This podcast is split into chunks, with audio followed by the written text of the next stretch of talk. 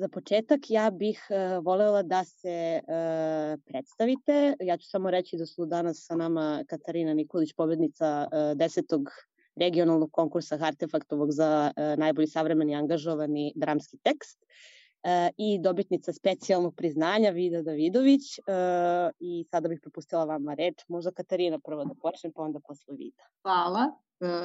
Ja sam Katarina Nikolić, dramaturg, pisac, scenarista. Um, diplomirala sam dramaturgiju 2011. godine, umeđu vremenu sam radila na različitim projektima, trudila sam se da nekako spojim svoju ljubav prema književnosti, dramaturgiju, pisanje scenarija, drama, tako da sam podeljena na tri, uh, na tri forme, ili da kažem. Uh, do sada sam objavila nekoliko knjiga zbirka priča i učestvovala sam na jednom veoma interesantnom projektu pre nekoliko godina To je bio prvi moj izlet uh, u društveno angažovanu dramu. Uh, tada sam napisala u saradnji sa još jednim autorom Željko Kubačem monodramu Petar koja je bila inspirisana mladim ljudima koji uh, na margini i ta, ta monodrama je prikazana kako kod nas, tako i u inostranstvu. To mi je nekako bio početak kada su u pitanju angažovani komadi I ono što bih isto izdvojila jeste možda da sam prošle godine radila na scenariju uh, za film Pond, koji je za sada prikazan samo u Americi, ali nadam se da će to premijera biti uskoro i u, i u Beogradu. Eto, to, to je to za početak. Hvala Katarina. E, možemo sad da čujemo vidu. Pa da, ja sam takođe slično kao Katarina, dramatičkinja, spisateljica, scenaristkinja i sve što možeš da budeš kad završiš dramaturgiju na fakultetu dramske umetnosti. A, takođe sam negde se opredelila da se bavim ovim poslom iz primarne ljubavi prema književnosti, ali se to nekako posle prelilo na neki spektar audiovizualnih umetnosti i trenutno uh, najviše volim pozorište i najviše bih volela da se bavim generalno. Um, Da, e, moja drama sa treće godine, Brooklyn i mačke u kontejnerima, e, bila mi je prvi dramski koment koji je izveden u Bitefu proletos. I uh, ovo, ovog leta sam imala premijeru um, predstave Banja Luke u Banja, o Banja Luci, koji je zapravo omnibus jedna struktura u kojoj su takođe učestvovali uh, Lana Bastešić, Tanja Šljivar, Nikola Peković i ja, Željko Stepanović i Radmila Smiljanić. I to su prilike moji neki početci moje pozorišne karijere, krajeve ćemo da vidimo, ne znam. Ali da, voljela bih više da se bavim takođe književnošću i scenarijom, tako da polako. Ovaj, negde to treba sve da se desi u nekoj budućnosti. E, super, hvala. Ovaj, vrlo impresivno sve što ste kazale. E, mislim, delom ste odgovorili na sledeće pitanje koje želim da vam postavim, ali e, ajde, kako ste se odlučile da se bavite odnosno da upišete baš dramaturgiju, a ne književnost, iako se obe bavite i delom i književnošću, ne samo, kako da kažem, čistom dramaturgijom. Šta je, šta je prevagnulo uh, da se opredelite za FDU, a ne za, na primjer, filološki ili neki sličan fakultet? Pa, u suštini ja nikad nisam htela da studiram književnost. Meni je bavljanje književnošću na tom nivou nauke i formalnosti uvek nekako bilo odbojno. Uh, dramaturgiju sam upisala zato što sam volela pozorište, a pored toga to je jedini fakultet kod nas na kom se piše zapravo. Mislim, mi nemamo creative writing kao opciju. Tako da, uh, to je negde odgovor, a ja sam pored, uh, pored dramaturgije želela više da upišem filozofiju. Meni je to bio kao neki drugi izbor. Književnost mi stvarno nekako, vidiš, to, to je zanimljivo, nikad mi nije palo na pamet. ne znam na koji način, ali da. Nisam želela jednostavno da se bavim tim na taj neki mm, vrlo naučan način, da. Tako da to bi negde bio odgovor na to pitanje. Uh mhm. -huh. Hvala, Vido. Kakvi su tebi uh, razmišljanja, Katarina? Pa znate kako, ja sam na trećoj, u trećoj godini gimnazije vidjela oglas za časove dramaturgije I sećam se da sam tada došla kući i rekla mami ja, ja idem na dramaturgiju i to neću da čekam ni četvrtu godinu, nego želim odmah da ide posle treće godine da, da polažem. I svi su bili onako poprilično ovaj.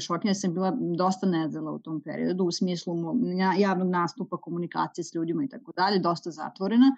I ja sam krenula pripremu. Odlazila sam na časove kod eh, Nikole Veselinovića, pozorišnog, radijskog eh, reditelja i profesora I to je trajalo. Međutim, pred kraj, pred kraj kad je trebalo da izađem na, na ispit, uh, sećam se da on pozvao moju majku i rekao je, e sada, da vam kažem, kad, mislim da je najbolje da Katarina ne ide, da ostane još četiri. I ja sam bila jako razočarana.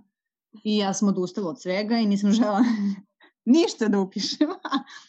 Ali onda ovaj, krenula da se pripremam uh, tako što sam na uh, četvrte godine je tada Ognjan Glavonić naš, po, naš e, filmski reditelj držao um, neke, da kažem, projekcije u gimnaziji i ja sam tada se ponovo vratila, ponovo krenula da se interesim, ponovo, ponovo probudila to svoju ljubav prema filmu, prema I sećam se da mi on dao neke instrukcije i ja sam, eto, posle četvrte godine uh, izašla, uh, naravno morala sam da izađem i na, uh, na opštu književnost, zato što nisam bila sigurna, eto, prosto šta će da se dogodi. Uh, ja tu uspela sam da upišem, mislim da upišem da, da prođem i na fakultetu filološkom i na dramaturgiju, tako da sam mogla da biram. I u tom trenutku kada se to desilo, sećam se da, pošto sam često borila na razim s nekim knjižnim seminarima u to vreme, upoznala sam Mihajla Pantića i koji inače predaje na filološkom i onda mi on onako rekao, pa profesor, gde ja da,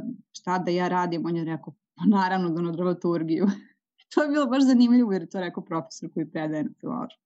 Tako da eto, to je to zanim... meni je to bilo baš ako zanimljiv, zanimljiv, ovaj, zanimljiv period u životu. Super, ovaj, mislim, razumijem te Katarina, ja sam isto završila FDU ovaj, pozorišnu produkciju, ali sam polagala prijemni na pravnom, pošto je, nisam mogla sa svojom mamom da se uh, na miran način dogovori. Uh, ali htela sam da vas pitam, pošto, mislim, obe se bavite nečim što volite, što mislim često čujemo da nije kod većine ljudi slučaj, ovaj, da, da im je posao nešto što je njihova pasija, nešto što, je, što vole da rade. Da li ste se nekada pokajale što ste izabrale ovaj put? Uf. Katarina, hoćeš ti prva ili ja? ja nisam zaista nikada. Ja mislim da je dramaturgija um, meni donela zaista jedan poseban osvrt na različite vrdove umetnosti i uopšte pružati pružati jedno znanje koje možeš da primeniš na različite stvari. Ja trenutno radim i kao upravnik galerije i biblioteke u svom mestu i u početku sam mislila da zaista to neću moći da radim jer sam bio kreativac koji je bio u sobi pisao, Međutim, onda sam izvukla nešto, sve što sam na fakultetu, nešto sam izvukla iz sebe, u stvari je to to znanje koje sam dobila na fakultetu i uspela sam da ga primenim.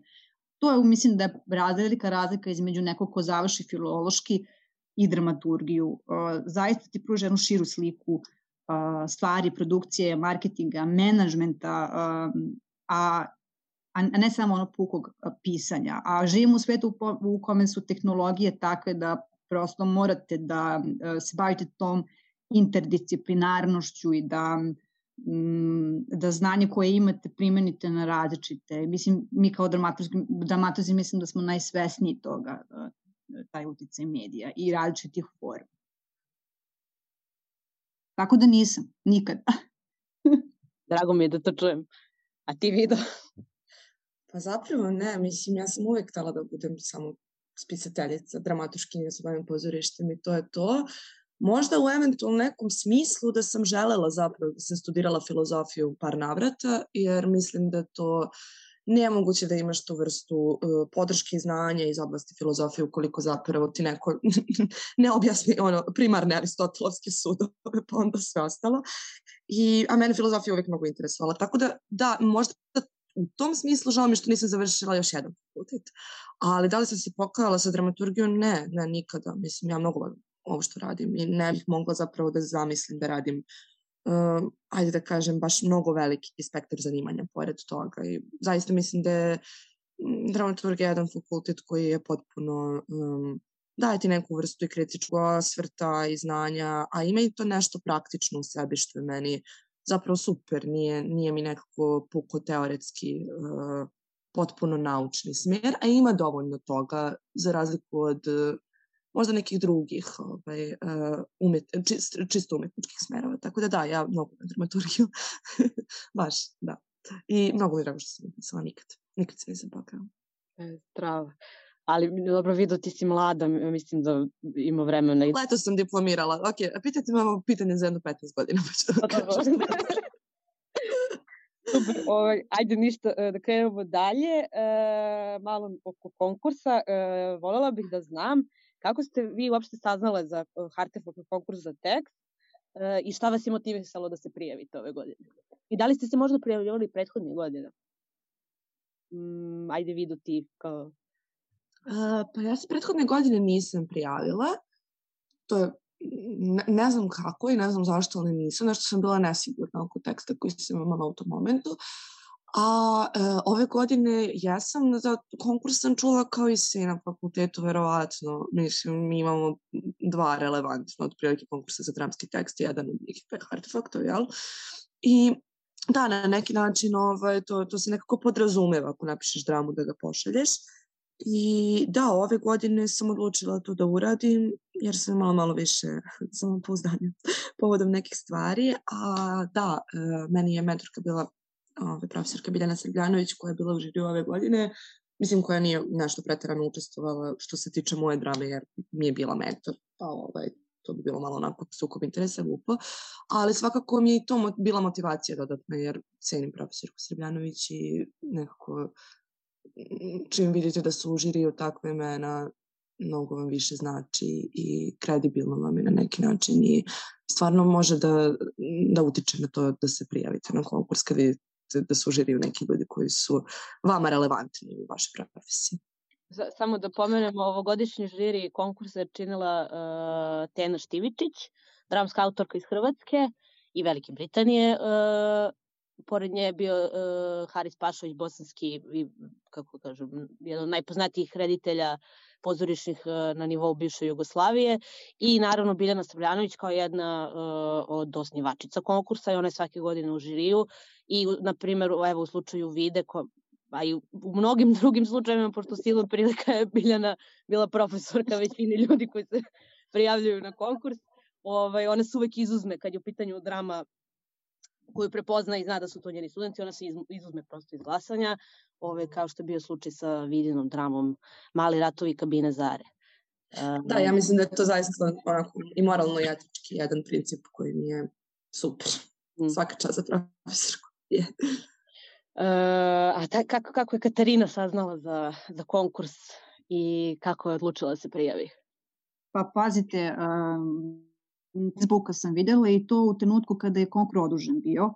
A ja sam znala da godinama Artefakt objavljuje konkurs, ali se nikada do sad nisam prijavila. Um, ja, sam, ja sam svoju dramu Prozor napisala da sa 23 godina, pošto sam završila fakultet i kao da sam u tom trenutku kad sam završila fakultet i prešla iz tog nekog školstva, ja sam se potpuno oslobodila. Ja sam taj tip ljudi koji kao kada si u, u, u sistemu ne funkcionišem baš sjajno. Radim kako treba u smislu dramaturških nekih, ali od ideja, ja tu nikad nisam bila zadovoljna.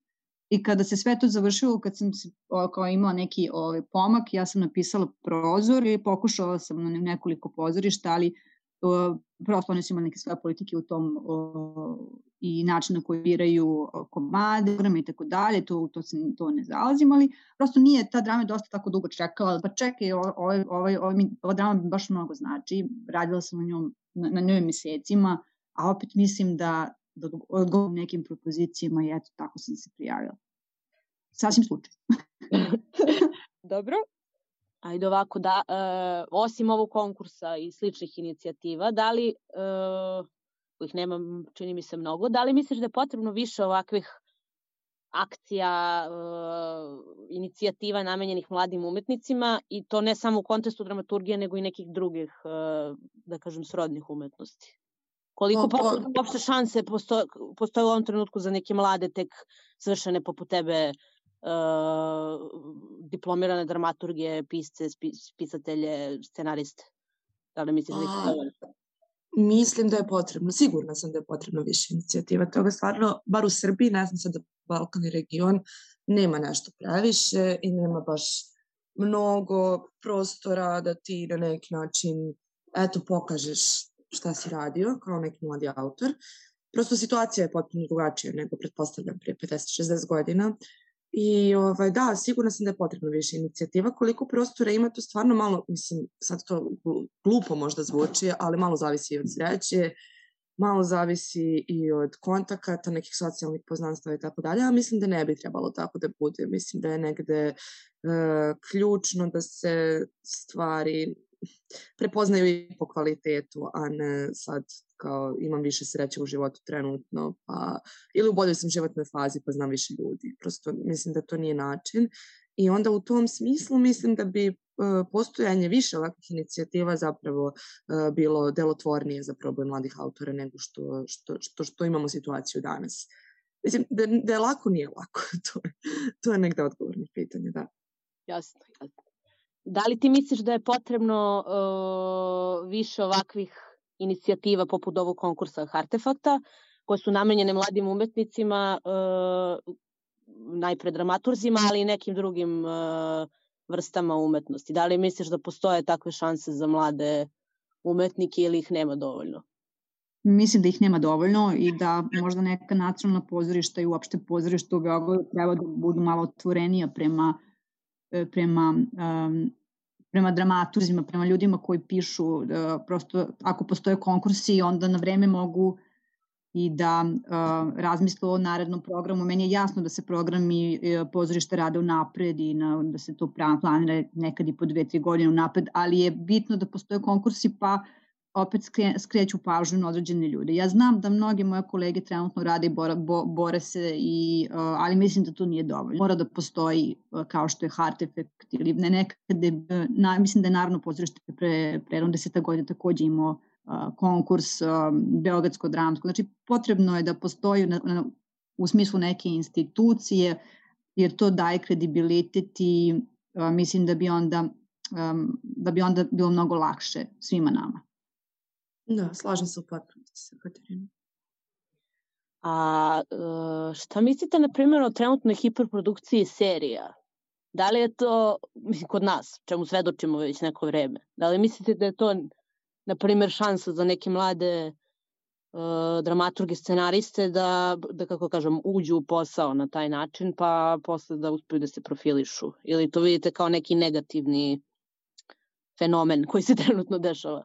E, mislim da je to jako dobro e, i da pogotovo mladi pisci odmah uđu i um, prosto se upoznaju sa sistemom rada kreativnih timova. E, ja sam radila i, kao autor i kao autor i kao skript uh, uh, scriptwriter. Znači potrebno je da se nekako oslobodite sujete i da vidite da i pozorište kao uh, i um, film, a da ne govorimo serije, su zaista kolektivna kolektivne, ovaj, kolektivna umetnost koja koja eto s, s, i kada to prihvatite kao tako onda ćete um, mislim lakše sećate jedno iskustvo koje veoma dragoceno u, u radu i kao dramaturg i scenarista, opet i kao jedan autor koji će kada odraste i kada bude imao uh, određeni kredibilitet moći da brani svoje delo kao autorsko.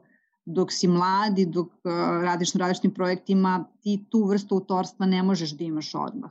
Prosto je, prosto je tako kada, mislim, kako, da li me razumete što ću kažem, prosto kada radiš neki svoj autorski projekat, možeš da kažeš ovo je moje, niče više, ja ću da koordiniram tim projektom, ali mislim da, da scenaristi treba da, mislim, prosto to je jedna lesvica i ti treba da dođeš na, na, na vrte lesvice da bi mogo da postiš taj uslov. Tako da ja mislim da je svaki rad u kolektivu jako bitan jer može da stekneš utisak kako, kako stvari funkcionišu i da uopšte nešto naučiš o, funkcionisanju u timu i tako dalje.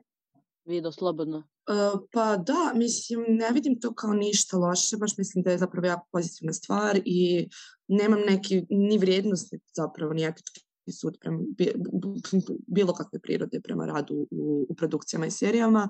Ja se moram da priznam da do, do sad nisam imala priliku da radim ni, ni na kakvom vidu uh, pisanja serije. To je zbog toga valjda što sam ja pa evo imam 23 godine, da, ovaj, to je zbog toga, a i zbog činjenice da sam htela do sada da se bavim pozorištem primarno, pa da vidim, mislim, kako mi ide, u suštini, ukoliko osetim potrebu, naravno, da radim nešto drugo, radit ću, nije nikakav problem. Ovaj, mislim da je, mislim da je zabavno, mislim da je kreativno, mislim da je lepo da se radi u timu na taj način. Um, da, tako da, eto, mislim da je nemam, nemam, nemam ništa protiv, meni je to stvarno super što se dešava i drago mi je što moje kolege imaju uh, konačno neku vrstu prilike da um, zarađuju od posla za koji su se školovali. Mislim da to, to, to je do skoro bilo rad u kafiću je bila alternativa za ovo što, što, što, što želiš da radiš zapravo sad možeš da živiš od posla koji si želeo da radiš od početka, mislim, zato što su to serije, jel, a ne možda neki, nešto što čim si baš hteo od uvijek da se baviš recimo pisanje autorskih filmova, otkud znam šta sad koga interesuje, uh, to je sad nešto drugo, ali u principu ne možemo da bežimo od toga da je to ipak posao u struci na neki način. Tako da mislim da je to zaista dobro, zaista i drago mi je što se to dešava. Mm, super. Ove, uh, želim ti video ako budeš naravno ti želela da se oprobaš u nekom Pa, da, ja, ja bih prolongirala to zaista, pošto zaista mene toliko pozorište samo fascinira da ja ne bih žela. Jednostavno nije moj, što bi se reklo, cup of tea. Možda, možda jedno, možda potpuno promeni mišljenje. Kako ocenjuješ poziciju mladih autora, odnosno mlađih autora uh, u repertoarskim politikama regionalnog pozorišta? Da li misliš da su uh, autori mlađe generacije dovoljno zastupljeni na repertoarima ili misliš da nekog mesta za, za to je sve, više prostora za njih? Uh, pa ne ocenjujem što se toga tiče, jer mislim da nije to na nekom nivou na kom mogu. Mislim, naravno da postoje mladi autori koji su se trenutno probile na repertoare i to je baš super, ali sa druge strane mi svedočimo o tome da je većina repertoarskih politika zasnovana na klasici i to ne sad jednog pozorišta, nego većine pozorišta, jer mislim da je to neka vrsta linije manjeg otpora zapravo. Zašto mislim da je delimično odgovoran i taj neki rediteljski sistem u kom ti kao reditelj na neki način se probijaš preko klasike i ukoliko uzmeš da režiraš mladog autora, to ti je neka vrsta rizika, jer svi dolaze da vide šta je mladi autor napisao, niko ne dolazi da vidi kako je reditelj i šta je reditelj uradio od toga. Ne baš niko, ali vrlo često se to dešava. Ako uzmeš da radiš tri sestre, svi znamo tri sestre, pa sad gledamo režiju tog i tog autora. I ne mogu to da krivim ni reditelje, mislim ja da sam reditelj verovatno bih razmišljala na isti način šta meni više tu donosi na neki način koristi, ali onda to baš stvara jednu vrstu zabune i mi ne vidimo, ne stignemo da vidimo ni generacijske autore, ni način na koji generacija percipira stvari, ni neka, neka umeća novije dramske književnosti, ni bilo što slično. I sad, stvarno to se vas postavlja kao neka vrsta problema. To uh, mi moramo da napravimo neku no, neki novi vrijednostni sistem po kom se uopšte može da se mjere neka nova klasika. Mislim, to, mladi autori će biti klasika za 70 godina u nekom smislu. A kako da postanu klasika uopšte i da uđu u neku vrstu tog uslovno rečeno panteona autora ukoliko uh, ukoliko nikad neće ni da budu na repertoarima. Mislim, samo svoje pozicije su potpuno kontradiktorne. Tako da, ovaj, ne, ne mislim da su dovoljno zastupljeni, ne kažem da nema, mislim da postoje ljudi koji su se probili na određeni način i tako dalje, ali mislim da postoje takođe mnogo mojih mladih kolega koji su jako kvalitetni, zanimljivi i dobri, a ne stignu malo na red od pokondirane tikve. Mislim, da, potpuno iskreno da bude. Hvala Vido uh, na iskrenosti. Ovaj, da li Katarina ti deliš mišljenje koje je Vida sad nam predočila ili imaš neki nov, neku novu perspektivu E, pa ja bih se složila sa vidom, uglavnom, ono što ja pratim u većini slučajeva naša pozorište i njihove politike, moram da, da priznam da u ovom trenutku mi se čini da razlika, ne, da je nekada postala razlika između odre, određenih programa, određenih pozorišta, a da čini mi se da sada znate, ono kao kad sam napisala prozor, ja nisam znala kome to mogu da ponudim zato što nije postao pozorište koje je imalo isključivo takve programe ili slične programe ili nešto, nešto što se uklapalo u, u taj neki, što kaže Vida, um, sistem, uh, neki kodeks, šta već. Znači, prosto, prosto mislim da se u ovom trenutku hiperprodukcije i, i, i sve ovo što se dešava i, i kultura uopšte sa čime se suočava, da je došlo do toga da mi imamo poprilično slične repertoare. I to je možda nešto što bih volila da se u nekom trenutku promeni, pa da eto možda znaš, možda prepoznaš neko pozorište koje isključivo želi da radi društveno angažovani komad ili da, znaš kome možeš da se obradiš da nije hiperprodukcija, da nije um, ok, treba da postoji klasici, ali treba da postoji i um, da savremeni dramski komad kao takav. I volela bih da eto u nekoj budućnosti pozorišta budu otvorenije u tom smislu, znači opet se vraćam na tu priču o um, da svaka ta institucija mora da uradi, znači ne udruženje, ne ne znam, uh, ja, producent ili ne znam ko, nego prosto kada se to na, na tom nivou na nivou instituciju, onda se to prosto, onda prosto to ide kako treba i uh, taj neko stoji iza iza tog programa. Eto, samo mislim da treba da bude više konkursa i više mogućnosti za a, mlade pisce. Da, da, konkursa svakako. Mislim, da to, ne, ne kažem da ne postoje mladi autori koji se trenutno igraju i ja sam jako sretna zbog toga. Srećna. Samo mislim da ovaj, bi moglo još da se radi na tom, da postoje prostor. Mm -hmm, mm. Ove, možda ovde zgodno mesto da napomenem da je jedan od ciljeva Hartefaktovog konkursa da prosto pobednički tekstovi i taj neki najuži izbor tekstova se e, producira i nađe kao na repertoaru u nekom od ili više regionalnih pozorišta.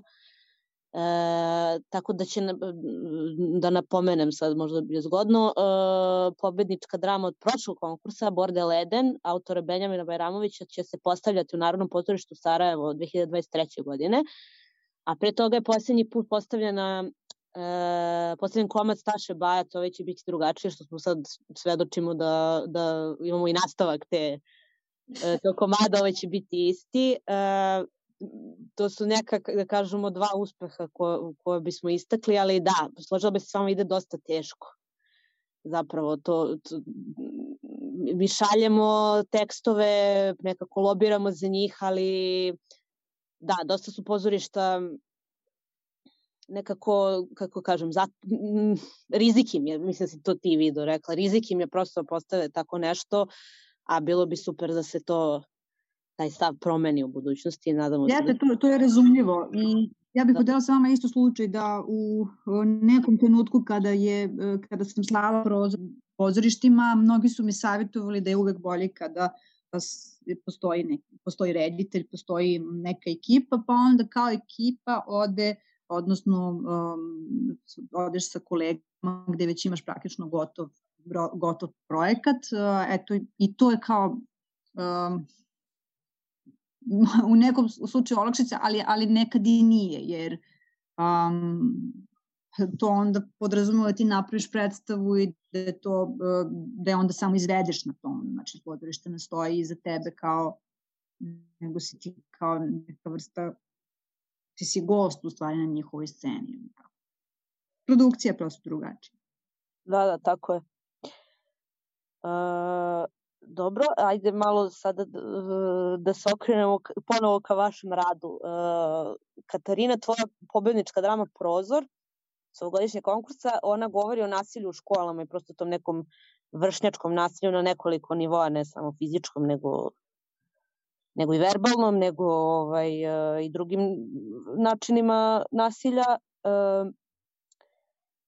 kakve ti teme voliš da obrađuješ u svojim komadima? I šta, je za, šta, šta su za tebe bitne teme o kojima misliš da bi trebalo više da se govori, piše, priča? Mislim, ti jesi napisala, kao što si sama rekla, ovu dramu ovaj, pre, e, je tako, deset godina, otprilike?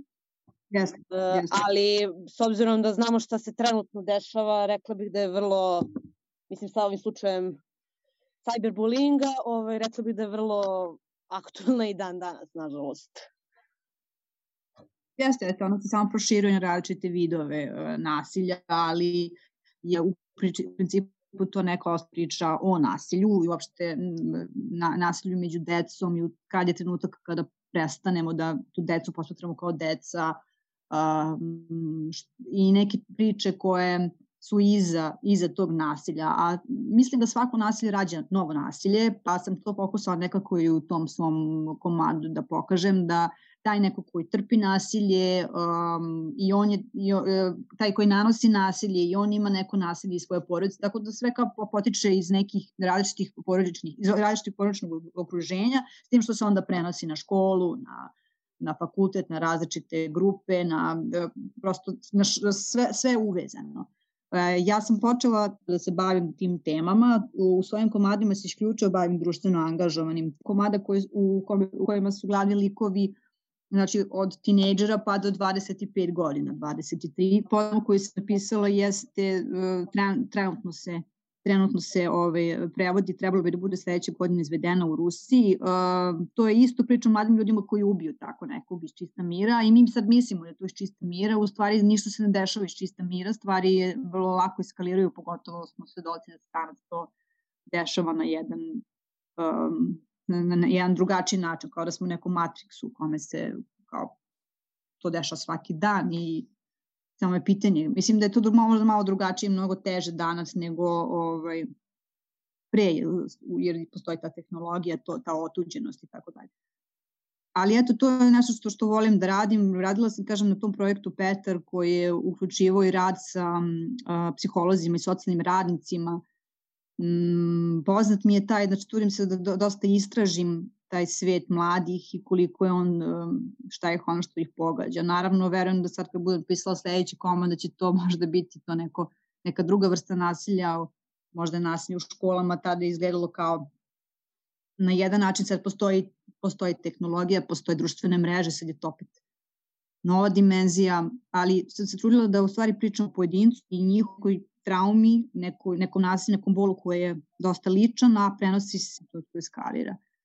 Mislim da je danas pojedinac mnogo, no, mm, mnogo usamljen, mnogo otuđen, da, da, da taj bol drži, e, drži u, u sebi i da postoje određeni socijalni aspekti, ali postoji i taj oni individualni privatni bol ono koji je, koji je dosta jak.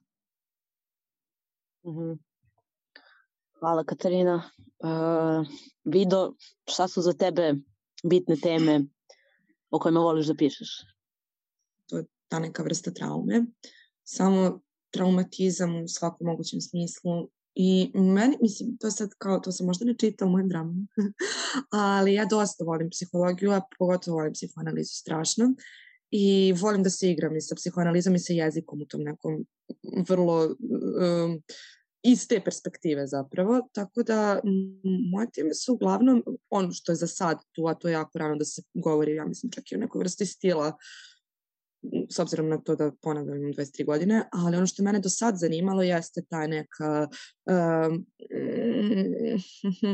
uh, traumatizam kao neka vrsta kompleksnog fenomena koji se odražava na različite stvari, tako da moj prvi komad je zapravo bio o sjećanju i načinu na koji trauma skladišti ili transformiše sjećanje u nekom smislu, a drugi komad mi je bio o, to jest ovaj Bratovi kabinezare zapravo o toj nekoj intergeneracijskoj traumi koja se prenosi, ne liječi, zašto se ne liječi, na, koje načine postoji, šta su zapravo borbe um, u tom nekom kompleksu traumatizma i kako to na neki način izgleda.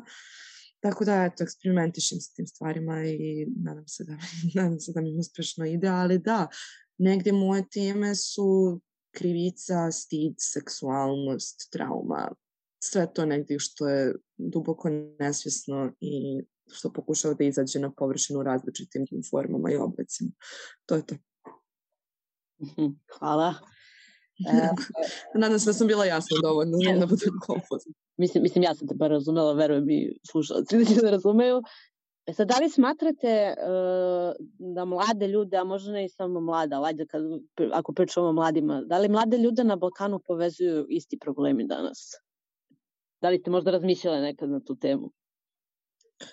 Pa, Katarina, hoćeš ti ili ću ja? Prvo sad ne znam ko...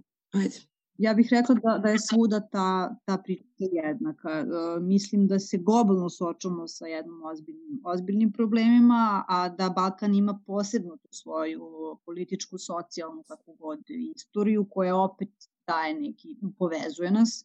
Tako da verujem da je, da je, da je odgovor da. Ja imam puno prijatelja koji, su, koji žive u e, različitim gradovima na Balkanu i mm, mislim da, da, da se razumemo kao što je da se jako dobro razumemo i da mm, iako pripadamo generaciji koja možda uh, nije direktno prisustovala nekim stvarima, ali je indirektno to posmatrala, tako da smo mi kao neki indirektni posmatrači koje i tekako stvari koje se dešavaju oko nas pogađaju. Uh mhm. -huh. Vido... Mislim da ako pričamo o ljudima iz iste klase ili socijalne kategorije, mogu, postoji neka vrsta preklapanja u problemima sa kojim se suočavaju, ali ja mislim da je to mnogo više nekako i klasno pitanje na neki način, jer e, prosto, mm, znači da i ne, ako gledamo ljude koji su iz iste neke socijalne kategorije, onda sam sigurna da postoje na području čitavog Balkana neke vrste istih problematika sa kojim se suočavaju, ali mislim da kao je to samo, samo unutar jednog miljeja. A sad ako se, ako se proširi malo stvar na to teško da mogu da se identifikujem sa nekim koje moje generacije koji iz Srbije ko se potpuno suočava sa nekim problemima kao što su preživljavanje u nekom najbanalnijem moguće. Sad da, da, da ne zvučim mi ja sad malo banalno kao eto Ovaj, ali da, mislim da uh, odgovor je da, odgovor je da, ali za ljude koji uh, prosto dolaze iz neke slične pozicije. Mm -hmm. ja, ja bih samo dodala jednu stvar. Uh, evo i vide i ja smo neko koji se bavi angažovanim teatrom. Mislim da što se tiče mene, sam se ja uvek trudila da kada se i bavim takvim temama, da one budu poprilično univerzalne. Tako da mogu da se primene na različita, na različita društva, politike i tako dalje um, na nešto ljudsko i nešto što je ono kao stvar pojedinca, a opet nekad su mi to zamerali zato što su rekli pa dobro, hajde daj malo više mesa, reci to gde je, baš reci gde je, ako Beograd napiši Beograd.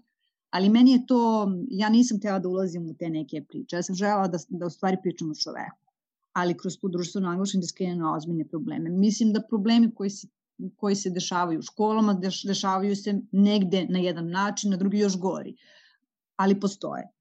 I ta neka univerzalnost mi je, neki su, neki su to usuđivali, neki su rekli pa dobro, ok, može, znate ono kao kod Čehova, gubernija G ili šta već. Um, ne znam, ja, bih, ja ću se nastaviti da se držim toga, skoro sam objavila roman u kojem je toliko, uh, ko pročita odmah zna gde se nalazi, ali nigde ne piše gde se nalazi. Mi drugi možda kritičari zamjerali, pa čekaj, hajde, daj baš, uh, mislim da, znate on kad pišu trilere ili ne znam, pa čitaš pa čitaš se gde pa ulice, pa sve to, pa znaš onda kao pa te bukvalno vuku u taj grad gde se dešava i to.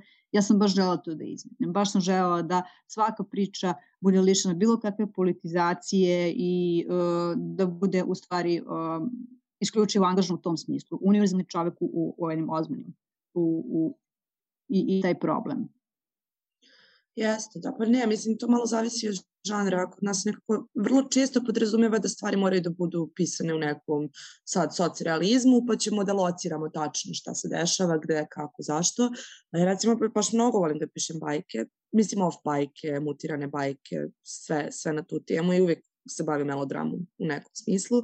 I onda meni kao potpuno, ako pišem bajku, potpuno mi je uh, nebitno zapravo da stavim u kom soliteru se dešava radnja komada. Meni je to isto potpuno mimo pameti.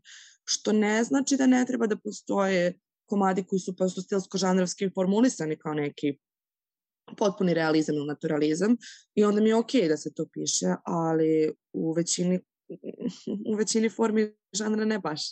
Tako da insistiranje na tome mi je potpuno nekako malo je staromodno na neki način, mislim, ne znam. Jeste, naravno, kada se bavi žanrom, istorijskom dramom, naravno da moraš da, da, da. ubaciš u kao.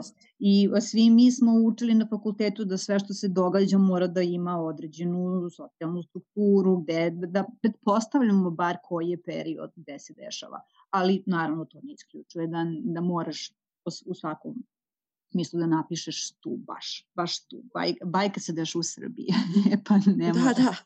Jest. Jest. Negde ja. daleko, mislim, tako počinju bajke. To je super. Divno, to je divno. Uh, super, hvala na, na, na odgovoru. Uh, bližimo se polako kraju našeg razgovora. Uh, imam još dva pitanja za vas. Uh, odnosno, da sam da vas zamolim da date neki savet i koji bi se savet uh, ili savete dale mlađim kolegama u kontekstu izgradnje njihovih karijera. Vidu, znam da si dosta mlada. A, ja hoću savet, molim te Katarina. Mogla bi Katarina u stvari, pošto ste tamo različite generacije, ovaj, uh, Katarina da savet vidi, a vida nekog ko želi da upiše dramaturgiju, na primjer. Eto, može, može. Pa možemo, ovaj, hoćeš ti Katarina da počneš? Ajde, može. Pa znate kako, nema tu neki, neki o, nije to neka matematička formula, ali svakako mislim da svako treba ko se bavi nekim kreativnim radom, dalje pisanje, slikarstvo, tako dalje, mora da ima neku svoju viziju i da se drži te vizije. U svetu u kome živimo gde je hajde da, da, da napišem nešto pa možda više zaradim ili tako dalje, znači potreba naći neki balans, što kaže vida, ok, mogu da radim, radim nešto kao dramaturg, što bi donosi neku, neku zaradu, ali ne odustajati od nekog svog glasa. E, ja sam to, ovaj, za mene je bilo potrebno da završim fakulte, da počnem da radim, pa tek to da shvatim, da se držim svog puta, da ne skrećem i da mnogo ne, ne, da prosto ono što osjećam radim. E, mislim da je to se pre, prepoznalo u tom prozoru. Ja sam zaista 100% dala sebe. I mislim da je da uvek kada se daš 100%, da se to vrati. Možda se ne vrati odmah, ali se vrati u nekom trenutku. Takođe, ono što sam ja naučila na, za ovih 10 e, godina kada sam završila fakultet, jeste da radeći na različitim projektima, mnogi umetnici, znači govorim umetnici zato što sam radila sa raznim ljudima, ne samo sa dramatuzima, Uh, moraju da budu oslobođeni suvete, pogotovo mladi pisci. Uh, to znači, u početku mi je bilo vrlo teško da prihvatim sekundarno to. Kad završiš fakultet, misliš, ok, sad to što sam napisao, niko ne sme da mi takne, rečenica je takva, neću da menjam ništa. Šira slika se, se stiče kada završiš fakultet, počneš da radiš, ulaziš u različite uh, projekte i onda shvatiš čekaj, uh, da li radiš kao dramaturg, to ono što sam pomenula na početku, ta vrsta autorstva koju moraš da postigneš. Jako je bitno da različitim, uh, bilo mi je teško, ne mogu da kažem, kada sam radila kao, kao autor, pa sam onda pa dobro, pa kao sad je tu, tu neko nešto tu pomenio, da li mi se sviđa ili mi se ne sviđa, ali sam tu to nekako raskrstilo se. Samo mi rekla, ok, di, ti kad radiš na, pogotovo kad radiš na scenariju, donekle ajde kao drama, ok, ali opet i to kolektivno delo. Ovaj, uh, kad radiš na scenariju, to je stvarno jako komplikovano. I sad možete napišete scenariju i ne znate da će još deset njih da napiše scenariju, to potpuno se promeni.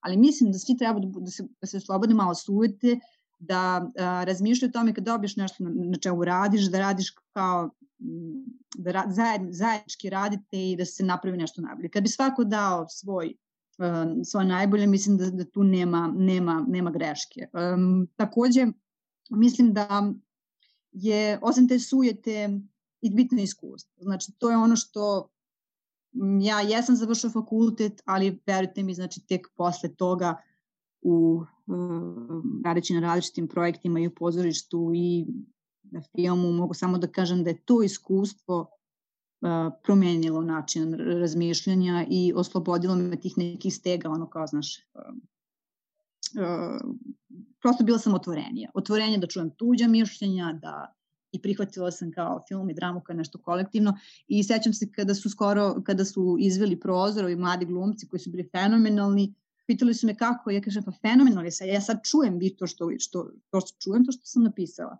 I prosto samo je neka vrsta otvorenosti i mm, da nikada to ne zaboravimo da su kako drama, opet i, i, i film, da su to kolektivne umetnosti i da svako može da to doprinese da to izgleda predivno. Mm, hvala Katarina na ovim inspirativnim rečima. Ovaj, video, e, šta bi ti imala kao savet, neki putokaz, ne, ne, neko mišljenje svojim mlađim kolegama pa, da daš? Da, ovim godinu dana mlađim kolegama.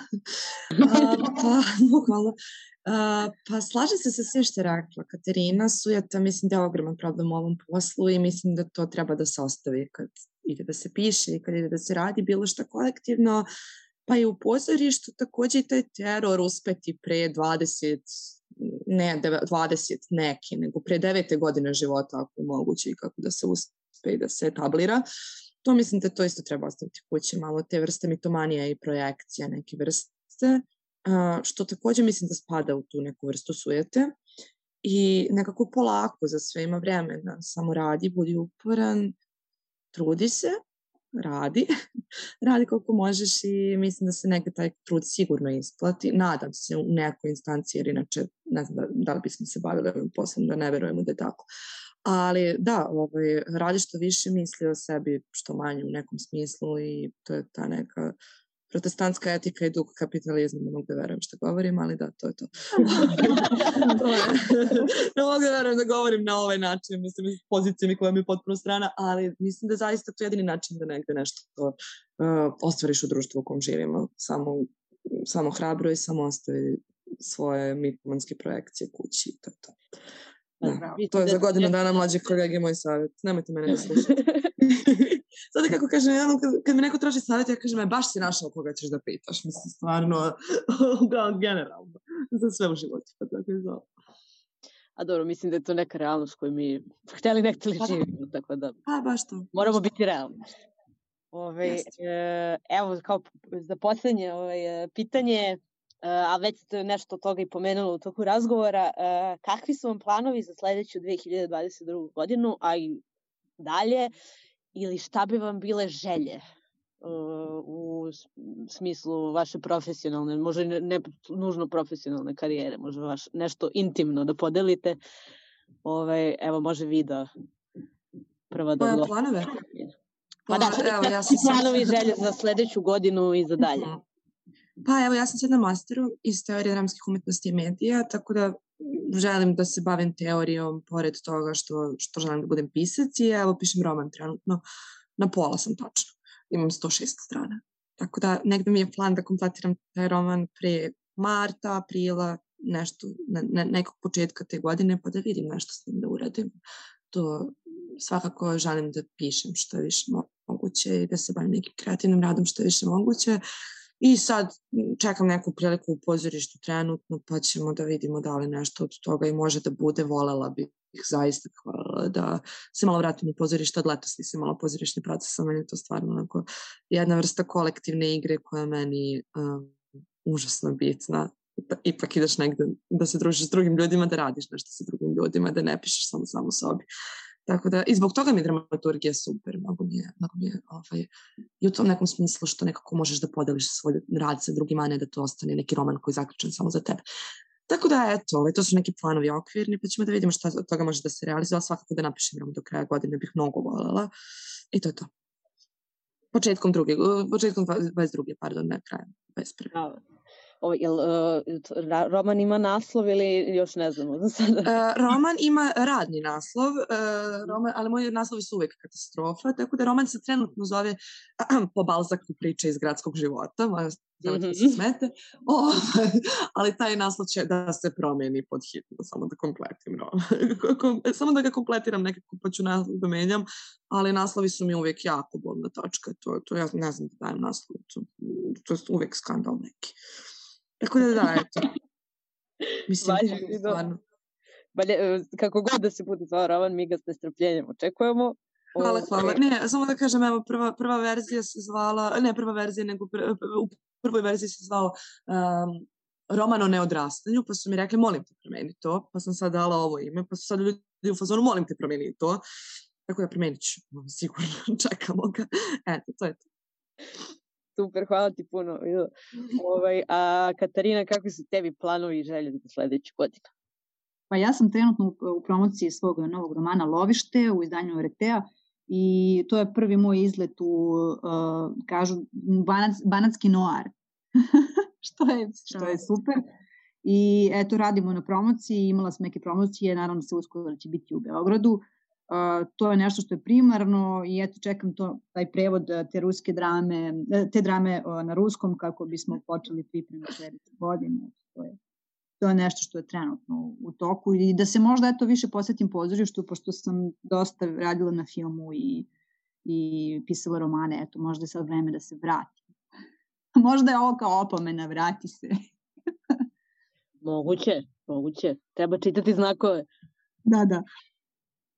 A, I htjela bih eto samo da, da, da vam se zahvalim na svemu i da uh, mi je drago što eto Vida je danas ovde bila sa nama i ona je jedna divna mlada osoba podsjeća me mnogo na, na mene kad sam imala 23. Nije to bilo toliko davno, da. ali ovaj, mi, mi podsjeća na jedan divan period koji sam provela na fakultetu i to je, pa sad evo, evociram uspomene i, i, i, ovaj, i divim vam se. I ja sam jako srećna što je Katarina danas sa mnom, zato što mi se mnogo dopala njena drama. Uh, zaista fenomenalan komad, svaka čast. E, hvala devojke, ja sam jako srećna što smo danas vodile ovaj razgovor i svemu što smo pričale.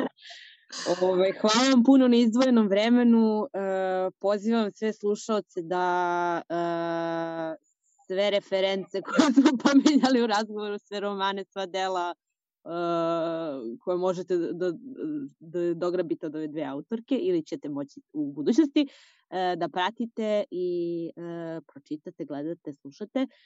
Uh, još jednom napomenem, s nama su bile Katarina Nikolić i Vida Davidović, uh, dve uh, vrlo uspešne i još, verujem, bit će uspešnije dramaturškinje i scenaristkinje. Uh, hvala još jednom puno za danas uh, i želim vam sve najbolje sa vašim planovima za sledeću godinu i za sve naredne. Hvala puno. Hvala tebi, Aleksandra.